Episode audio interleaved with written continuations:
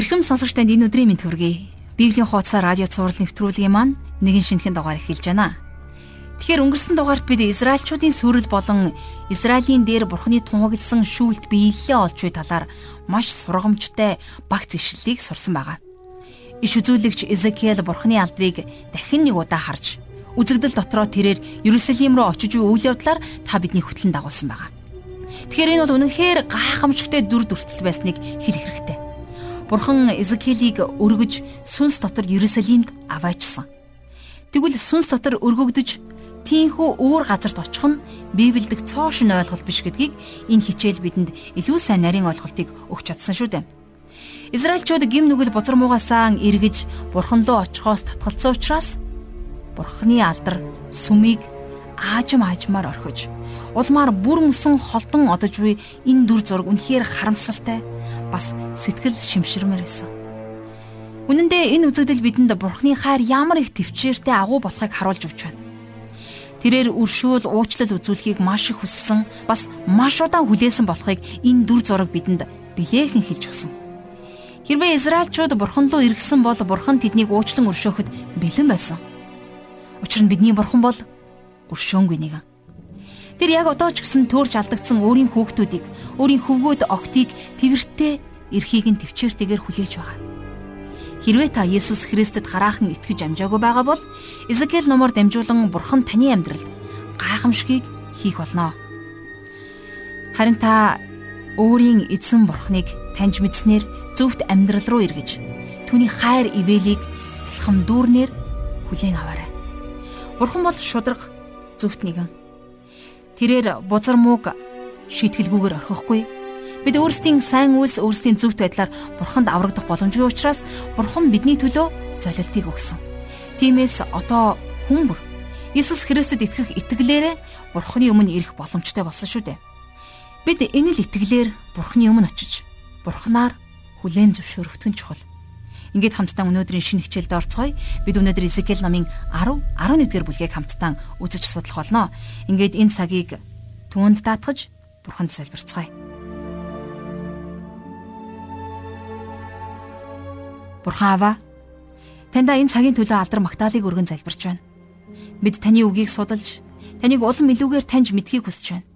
Бид итгэлийн амьдралдаа улам тууштай байж, амьдралын аар сар, Альва асуудал бидний эргэн тойронд байгаа хорон муу бүхнээс үл хамаарч итгэлдээ тууштай бас зоригтой байхын тулд та энэ цагт бидэнд хэрэгтэй үгийг өгөөч. Өнөөдөр бидний судалж байгаа Эзекиэл номоор дамжуулан олон хүн таны авралыг эрен хайж олох болтугай гэж бид тэднийг юрууж байна.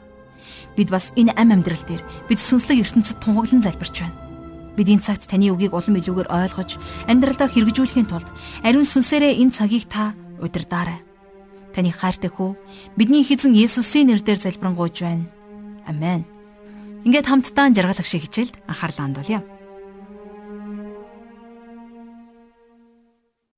За бид Изекиэл номынхон судлалаар 10-аас 11 дугаар бүлгүүдийг өнөөдөр үзэхээр бэлтгээд байна.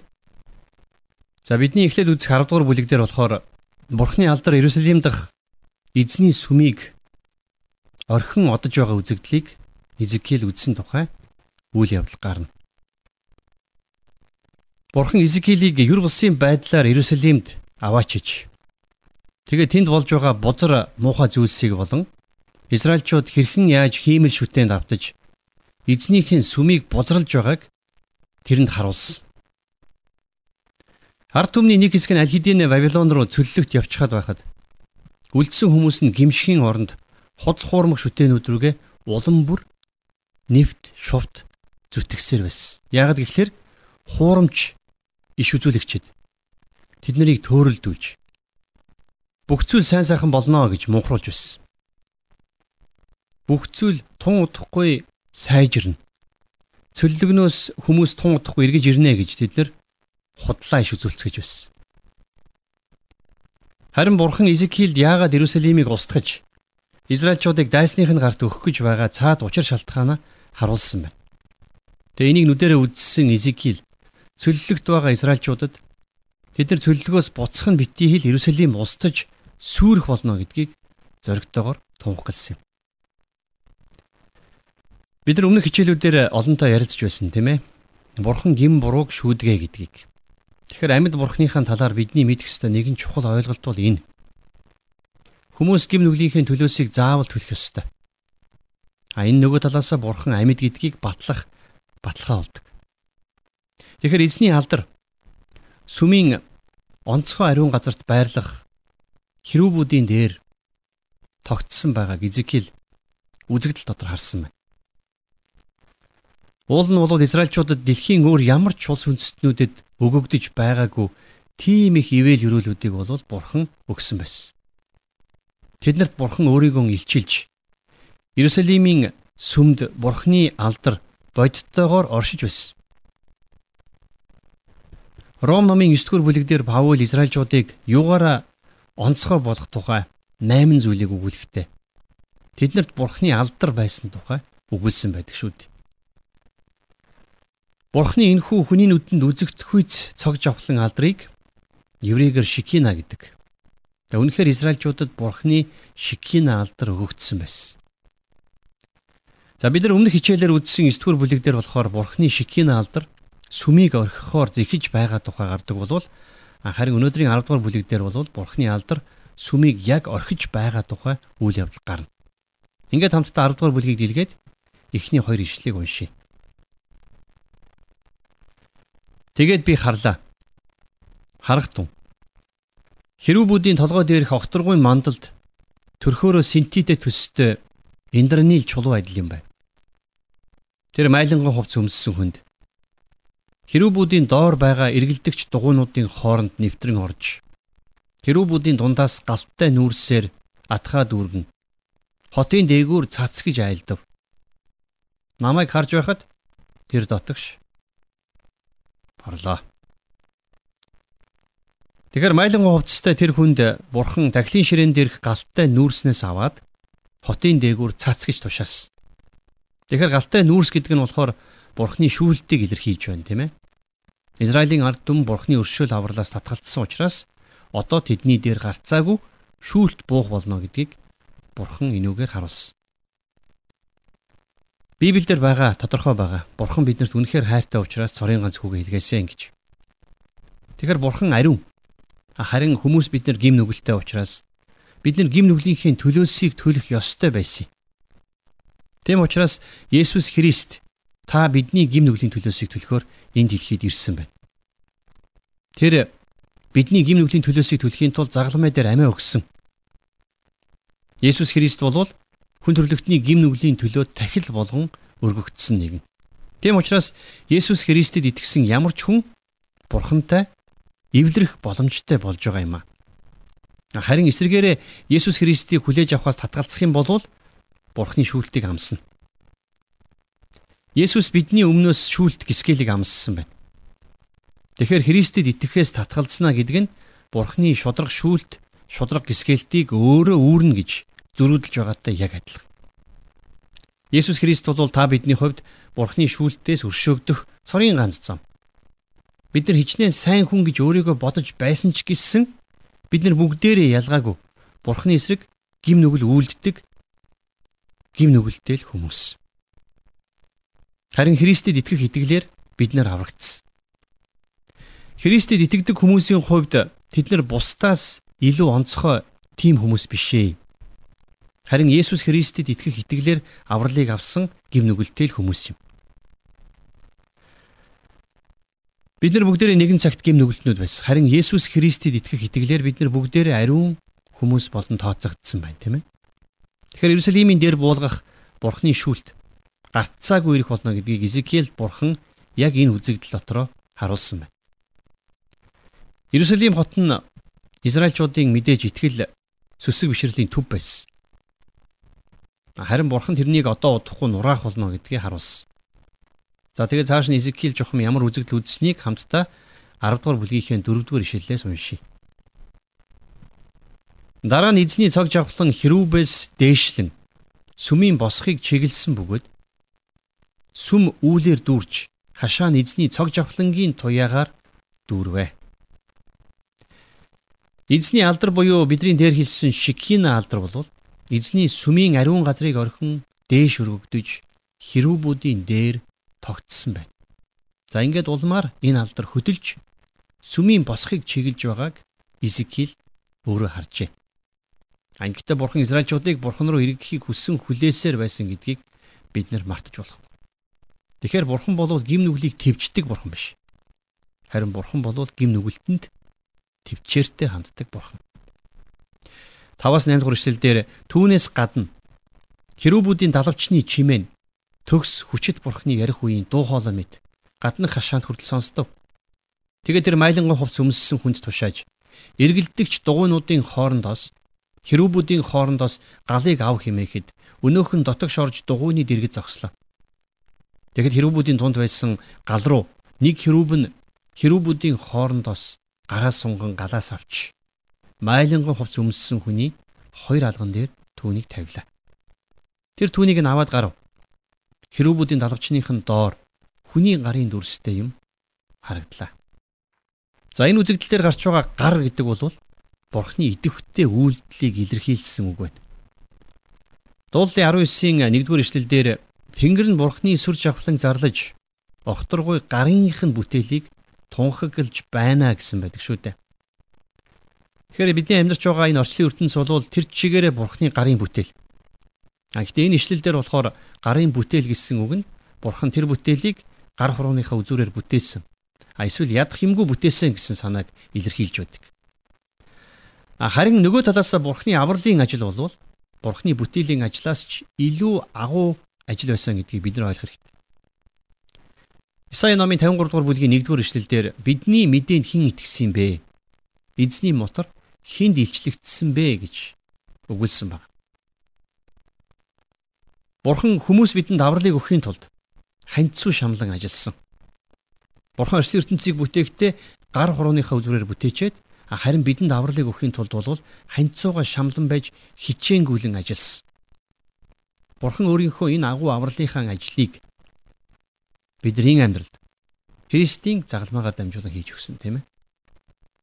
За харин энэ удаад бол Бурханы мотор Израильчуудыг шүүхийн тулд хөдөлж байгааг Изекил харсан байна. 9 дугаар эшлэлдэр тэгээд намайг харахад үзэгтэн хэрүүбүүдийн дэргэд дөрвөн дугуй. Хэрүүб болгоны дэргэд нэг нэг дугуй байлаа. Дугуйнуудын төрх нь биндрян ялба адил байлаа гэсэн байна. За дээр бас бид нэр энэ дугуйнуудын тухай тайлбарлахдаа ярьж байсан. Энд эргэлдэж байгаа дугуйнууд болвол Бурхны зогсолтгүй ажлыг илэрхийлж байгаа. Бурхан завгүйгээр ажилласаар байна гэсэн санааг бол бид нэр эндээс харж болно. Йохны 5-ын 17 дугаар ишлэл дээр Есүс хэлэхдээ эцэг маань одоо болтол ажилласаар байна. Би ч ажиллаж байна гэж хэлсэн байдаг. Тэгэхээр Есүс эзэн Тэнгэрт одсноос хойш одоо ч та бидний төлөө завгүйгээр ажилласаар байгаа гэдгийг битгий мартаар. 10-аас 11. Дүр төрхөн гівээс тэд дөрвүүлээ нэг адил. Дугууны дотор дугуй буу мэдвэ. Тэд хөдлөн дөрвөн зүгийн алийг нь чиглэн явхдаа эс эргэв. Харин тэд явх үедээ эргэлгүйгээр чиглэсэн зүгээ даган явж байваа гэсэн байна. За тэгэхээр энэ гарч байгаа дугуйнууд явхдаа эргэлт буцалтгүйгээр хөдөлж байгааг Эзекиэл харсан байна, тийм ээ. За энэний нэгэн адилаар Бурхны үйл хэрэгч гэсэн өнөөдөр зогсолтгүйгээр бас эргэлт буцалтгүйгээр хөдөлж байгаа. Бурхан хүмүүс бид нар шиг эргэж буцдаггүй маа. Бурхан ямар нэгэн зүйлээ мартчихад эргэж явдаггүй. Бурхан өөрийнхөө зорилгыг гүйцэтгэхийн төлөө эрс шулуунаар явсаар байна. Бурханы зорилго биелэгдэх тэр цаг одоо улам бүр ойртсоор байна гэдгийг сануулмаар байна. 12-оос 14 дугаар ишлэлдэр Изекиэл бүхий л бие, нуруу, гар, далавч нь бас тэр дөрөвт харьяалагдах дугуйнууд нь эргэн тойрондоо дүүр нүдтэй байлаа. Намайг сонсч байхад тэр эргэлдэгч дугуйнууд дуудагджээ. Тос бүр дөрвөн нүртэй байв. Эхний нүр нь херүүбийн нүр, хоёр дахь нүр нь хүний нүр, гурав дахь нь арслангийн нүр, мөн дөрөв дэх нь бүргэдийн нүр байваа. За жоохон тогтож тайлбарлах хэрэгтэй байна тийм ээ. Тэгэхээр энд гарч байгаа үзэгдлүүд бол цаагаараа их гүнзгий утга агуулсан бэлэгдлийн чанартай үзэгдлүүд. За энийг задлаа тайлбарлах юм бол янз бүрээр тайлбарж болно. А гэхдээ энийг бол би өөрийнхөөрөө хялбаршуулаад тайлбарж өгснийг та лав санаж байгаа. За би дахиад хэлье. Тэгэхээр энд гарч байгаа дөрвөн нүр нь юу болохыг сайн мэдээний дөрвөн ном бидэнд тайлбарлаж өгсөн гэж би хувьдаа боддог. За бүргэд гэдэг нь болохоор Христийн бурхан чанарыг өгүүлсэн тийм ээ. Явахны сайн мэдээ биднэрт энийг тунхагладаг. Харин арслан гэдэг нь Христийн хааны мөн чанарыг тунхаглаж байна.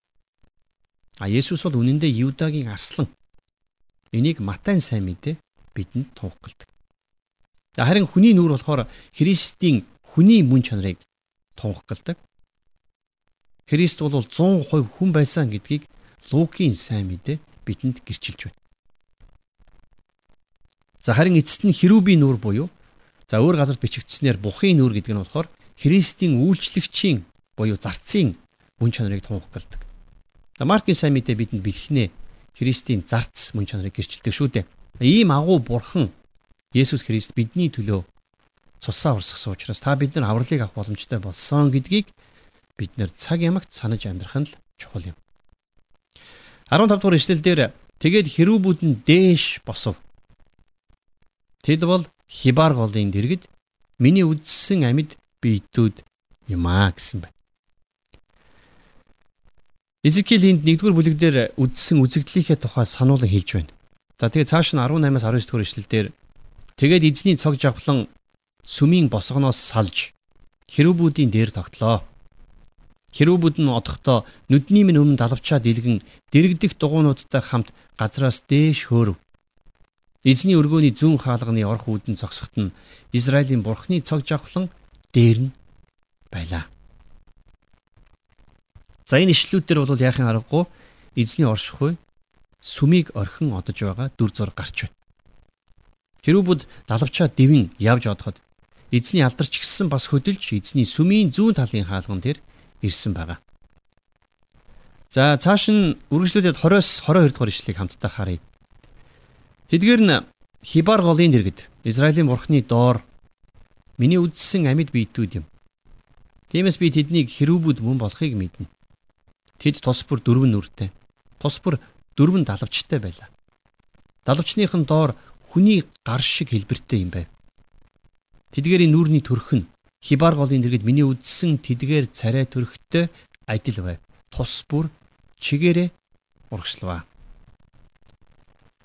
За энэ үзэгдэл нь бурхан хожим нь хүний биеийг олж энэ дэлхий дээр ирэх болно гэдгийг тунхагласан иш үзүүлэг байсан гэж олон судлаачид үздэг. Энэ талаар Илч Йохан хэлэхдээ үг нь махбод болж бидний дунд оршин бид түүний алдар сууг үзсэн. Нь эцгээс цор ганц төрөгчийн алдар бөгөөд нэгүсэл ба үннээр дүүрэн юмаа гэж бичсэн байдаг.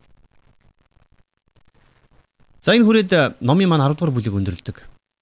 Харин үргэлжлүүлээд 11 дугаар бүлгийг одоо тавчхан үзье. Тэгэхээр Изекиэл номын 11 дугаар бүлэг дээр Иерусалим за Израилийн удирдгчдийн эсрэг иш үзүүлгүүд гарна. За тухайн үед Иерусалим хараахан нураагдаагүй байсныг та санаж байгаа тийм ээ. Тухайн үед бол Зидкия хаан Иерусалимийн хаан ширээн сууж байсан. Израилийн удирдгчид тухайн үед бурхны эсрэг тэрслэн босоо зогсохгүй. За Вавилоны хаан Небухиднецарын эсрэг хүртэл тэрслэн бослого хөдөлгөөнийг эхлүүлсэн байдаг. За 11-р бүлгийн 1-р ишлэлдэр Түүнээс гадна сүнс намайг өргөж эзний өргөөний зүүн зүг харсан зүүн хаалганд авчрав. Харахтун хаалганы үүдэнд 25 хүн байсанд ард түмний ноёд болох Азурын хүү Язиния Бинеягийн хүү Пилатинаар дунд нь байхыг би үзлээ.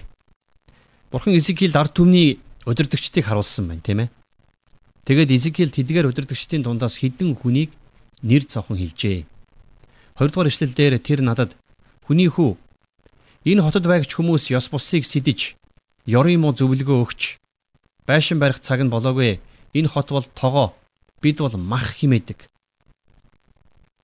За өөрөөр хэлэх юм бол тэр удирдагч нар энэ бол бидний хот. Олон хүмүүс цөллөгт явсан ч гэсэн бид нар эндээ үлдэж чадсан. Тэм учраас энэ хот биднийх. Одоо бид нар юу хүссэнээ хийж болно. Бид нар энэ хотод амар тайван элбэг хангалуун байдлыг авчирнаа гэцгэж байсан. Тэдгэр хүмүүс байна сүнслэг биш харин материалын зүйлсийн төлөө юу ч хийхээс буцахгүй болчихсон хүмүүс байсан. Яг л бурхангүй газрын бум галзуурна гэдэгчлэн.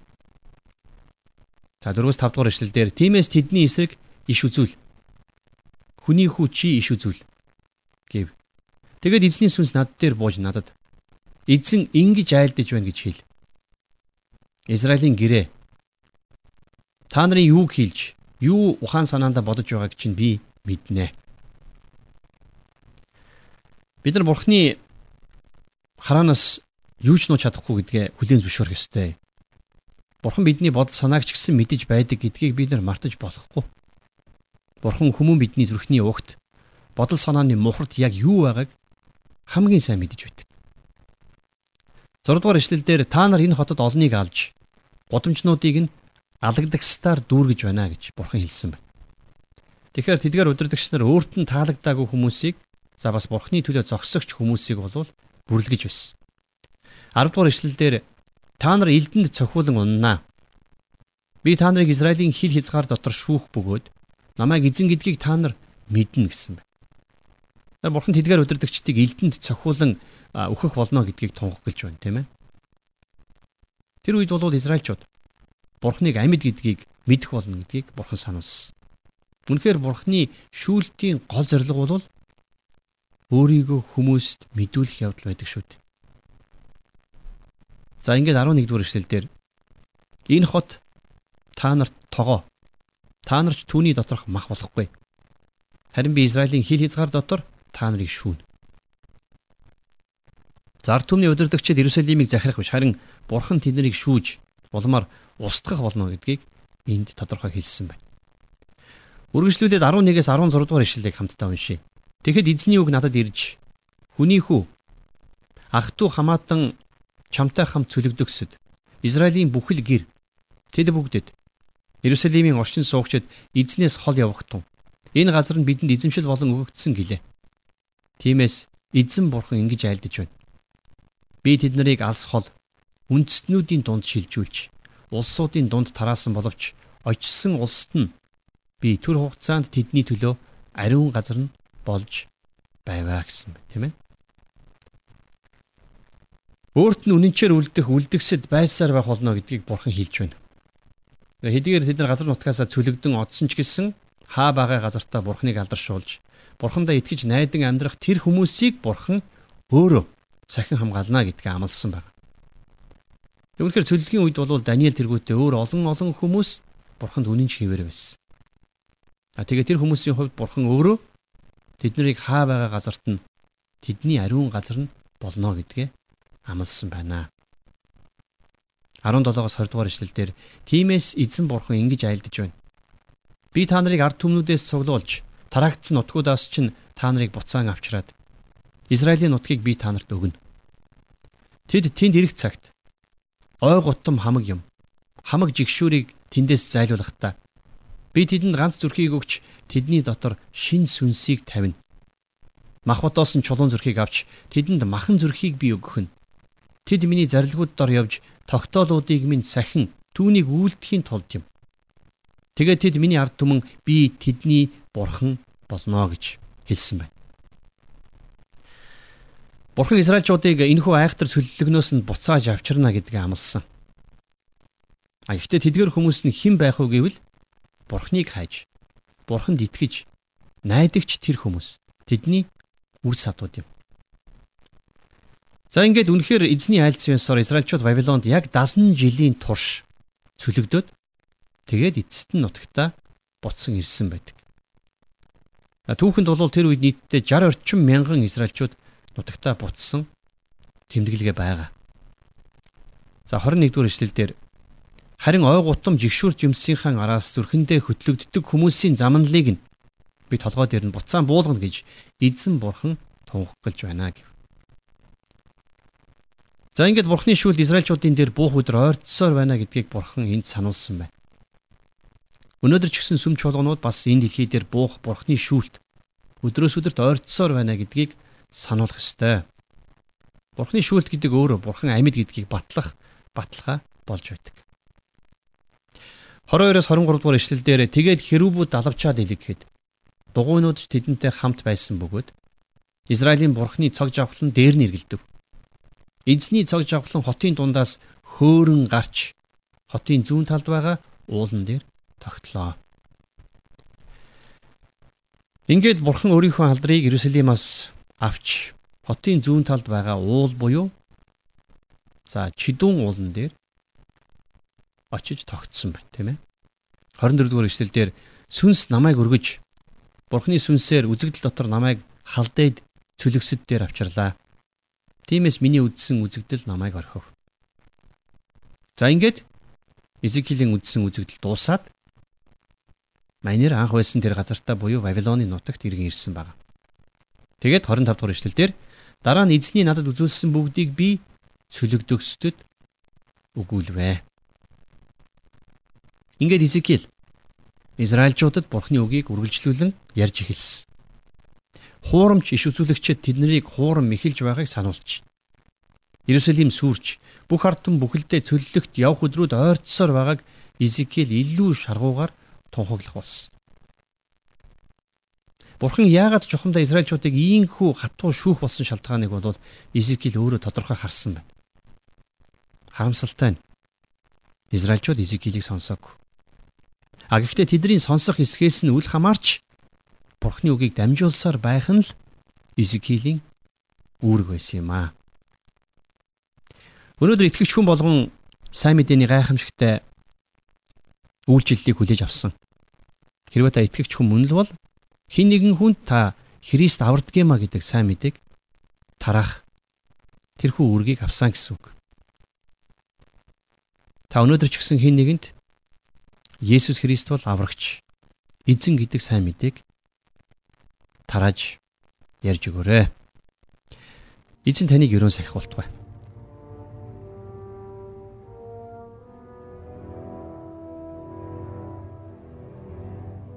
Тэгэхээр өнөөдрийн хичээлээр бид Иерусалимийн дээр буулгах Бурхны шүлт гарцаагүй гэдгийг иш үзүүлэгч Изекиэлд Бурхан үзэгдлээр дамжуулан харуулж өөрийн тунхаглалыг Израилийн ард түмний дээр буулгаж байг үгүүлсэн гайхамшигтай ишлэлийг гайхамшигтай бүлгүүдийг хамтдаа судаллаа.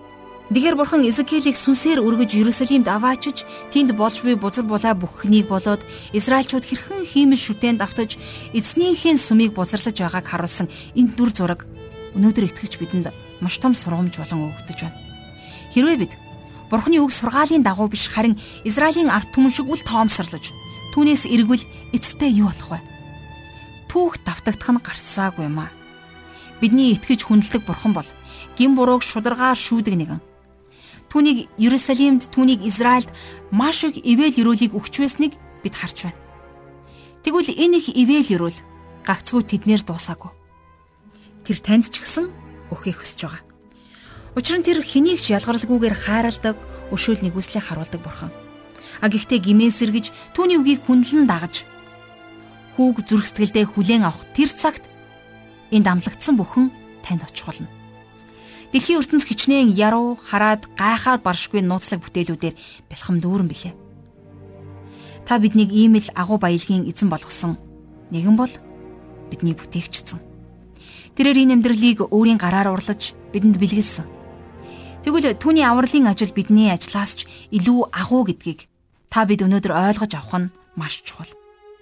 Бурхан бидэнд авралыг өгөхийн тулд зогсолтгүй бас хичээнгүйлэн ажилласаар байдаг нь үнэхээр гайхамшигтай. Энэ хүрээд өнөөдрийн хичээл маань өндөрлөж байна. Хамтдаа эзний үгийн төлөө талархлыг өргөн залбирая. Агуу мэрэгэн ухаантай шудраг ясыг тогтоогч бурхан аав минь таньдаа талархлыг өргөн залбирч байна. Энэ цагт бид таны өмнө ирээд таны гайхамшигтай хайрын мөн чанарыг магтан алдаршуулъя. Та Израильчуудын энэхүү гашуун түүхээр дамжуулан бидэнд бас ухаарлыг өгч байгаа учраас баярлалаа аваа. Үнэхээр итгэвч бид нийгмийн ёс бус байдлаас үл хамаарч итгэлэн бат сахин зогсоход бидэнд туслаарай. Бид өөрсдийн улс орныг худал хуурмаг шүтээний гарт алдах биш. Харин үнэн бурхан болсон тань руу эргүүлэхийн тулд ам амьдралаа зориулагчд байхад та бидэнд туслаарай. Та бидний итгэлийн амьдралаар дамжуулан өөрийгөө алдаршуулаач. Бидний амьдрал таны суу алдар, таны яруу жавхлангаар дүүрэн байхын тулд та биднийг ариун сүнсээрээ удирдаач гэж гуйж байна. Бид танд бүх зүйлээ өргөн, таны хайртай хүү бидний их эзэн Есүсийн нэрээр залбирanгуйж байна. Амен.